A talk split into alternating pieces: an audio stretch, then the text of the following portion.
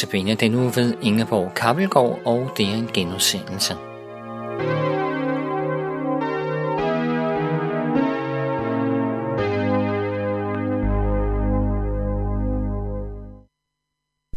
Vi vil se på tre situationer, hvor Martha og Maria er sammen med Jesus. Se, hvad der sker med dem, når de lader Jesus blive herre i deres liv. Og de, vi vil starte i dag med at læse fra Lukas 10, 38-42. Mens de var på vandring, kom Jesus engang ind i en landsby, og en kvinde ved navn Martha tog imod ham. Hun havde en søster, som hed Maria. Hun satte sig ved Herrens fødder og lyttede til hans ord. Men Martha var travlt optaget af at sørge for ham. Hun kom hen og sagde, Herre, er du ligeglad med, at min søster lader mig være alene om at sørge for dig? Sig dog til hende, at hun skal hjælpe mig. Men Herren svarede hende, Martha, Martha, du gør dig bekymringer og er urolig for mange ting. Men et er fornødent. Maria har valgt den gode del, og den skal ikke tages fra hende. Martha er værdinden. Gæstfri, åben, dygtig til at lave mad, organisere, udadvendt, spontan, ansvarsbevidst, dygtig, stærk, værdsat, beundret. Hun inviterer mesteren ind i sit hus. Nu skal han få en lækker ret. Det har han fortjent. Martha sveder, står alene i køkkenet. Der er stille i stuen, og de andre lytter til mesteren. Åh, hun kunne dog, kunne hun dog bare have fået den mulighed. Men hvor er Maria?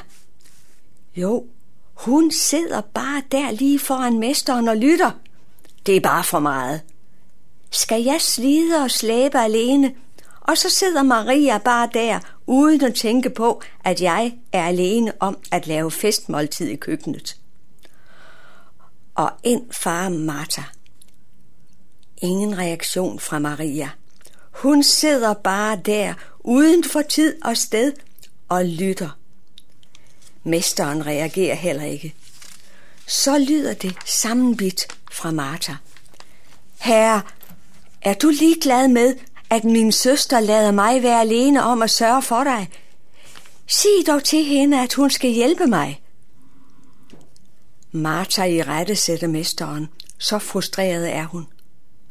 Og hvordan svarer Jesus? Martha, Martha, du gør dig bekymringer og er urolig for mange ting, men et er nødvendigt. Maria har valgt den gode del, og den skal ikke tages fra hende. Martha tager mere på sig, end hun magter og har tid til. Og når hun ikke har tid nok, kommanderer hun med andre. De skal hjælpe hende med at holde tidsplanen. Martha vil leve op til sine egne og andres forventninger, og det lykkes ikke. Derfor føler hun sig udnyttet, trådt på. Hun anklager Maria og indirekte Jesus. Men virkeligheden er, at hun selv er centrum, og de andre skal passe ind i forhold til det.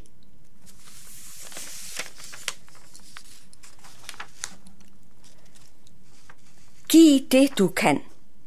Ikke mere. Tag imod det, du får. Ikke mindre. Giv det, du kan. Ikke mere. Tag imod det, du får. Ikke mindre. Giv det, du kan. Ikke mindre. Tag imod det, du får. Ikke mere. Giv det, du kan. Ikke mindre. Tag imod det, du får. Ikke bedre. Mere. Bedre er en enkel suppe, krydret med kærlighed og fred, end de festligste retter med irritation. Da jeg boede i Rumænien under kommunismen i 1982-83, sammen med min mand Arne og vores datter på to år, blev jeg inviteret ind hos Christina og Frida. Det var to tyske kvinder, som jeg var i sangkor sammen med. De levede meget spartansk. Og vi vidste alle, at det var forbudt for udlændinge at besøge rumænere, og de var jo rumænske tyskere. Og jeg spurgte, tør I godt invitere mig? Ja, ja, vi snakker tysk sammen, så det går nok. Den gode Gud passer på os. Da jeg kom ind i deres hjem, sagde Frida, jeg kan kun byde på græssuppe i dag med brød til. Men nu beder vi Gud velsigne maden. Jeg synes nok, det var lidt at byde på, og ville selv have været flov ved det. Men hun så frimodig ud. Og da jeg spiste, så må jeg sande, det var en vidunderlig suppe. Spist i glæde og med åbne hjerter. Jeg blev mæt og måtte tænke på Jesus, der velsignede de to fisk og fem brød, så der var nok til folkeskaren. Måltidet blev en fest, for der var en glæde og taknemmelighed, som prægede samværet. Det bærer jeg dybt i mit indre og prøver at tage med mig i min hverdag. Det behøver ikke være så perfekt, men et åbent hjerte glæder Jesus sig over, og det er til gavn for vores medmennesker.